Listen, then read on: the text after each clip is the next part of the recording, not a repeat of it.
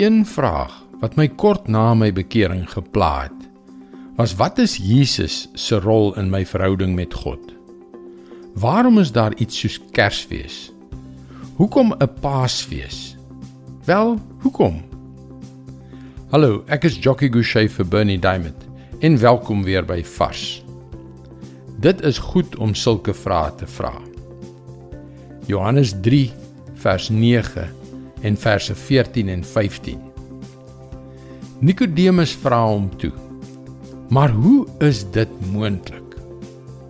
Moses het die slang in die woestyn hoog op 'n paal gesit. So moet die seun van die mens verhoog word, sodat elkeen wat in hom glo, die ewige lewe kan hê.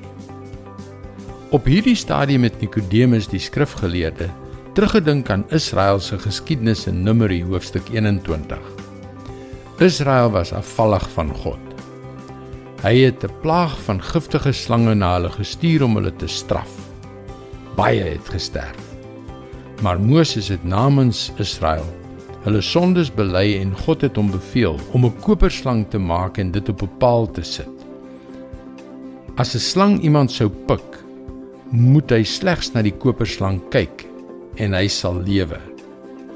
Geen hospitale is gebou nie, geen serum is gebruik nie. Geen dapper manne is gestuur om die slange dood te maak nie. Nee. Al wat hulle moes doen was om op te kyk, om te sien en om te glo en hulle sou gesond word. Op dieselfde manier neem Jesus ons sonde op hom. Hy word namens ons sonde Hy word namens ons aan die kruis op daardie paal geplaas vir ons sonde. En al wat ons moet doen om wedergebore te word, is nie om op 'n selfhelpprogram te gaan nie, maar om na Jesus te kyk en te glo. Trouens, hoe meer ons na Christus as die gekruisigde kyk, hoe dieper word ons berou en hoe meer word ons oorweldig deur die Gees wat ons lewens vernuwe. Dit is die enigste manier om wedergebore te word. Die enigste manier om die koninkryk van God binne te gaan. Laat ek jou dus vra: Is jy wedergebore? Dit is God se woord, vars vir jou vandag. Stuur gebedsversoeke na ons gebedsspan by varsvandag.co.za waar jy daagliks vars boodskappe kan kry.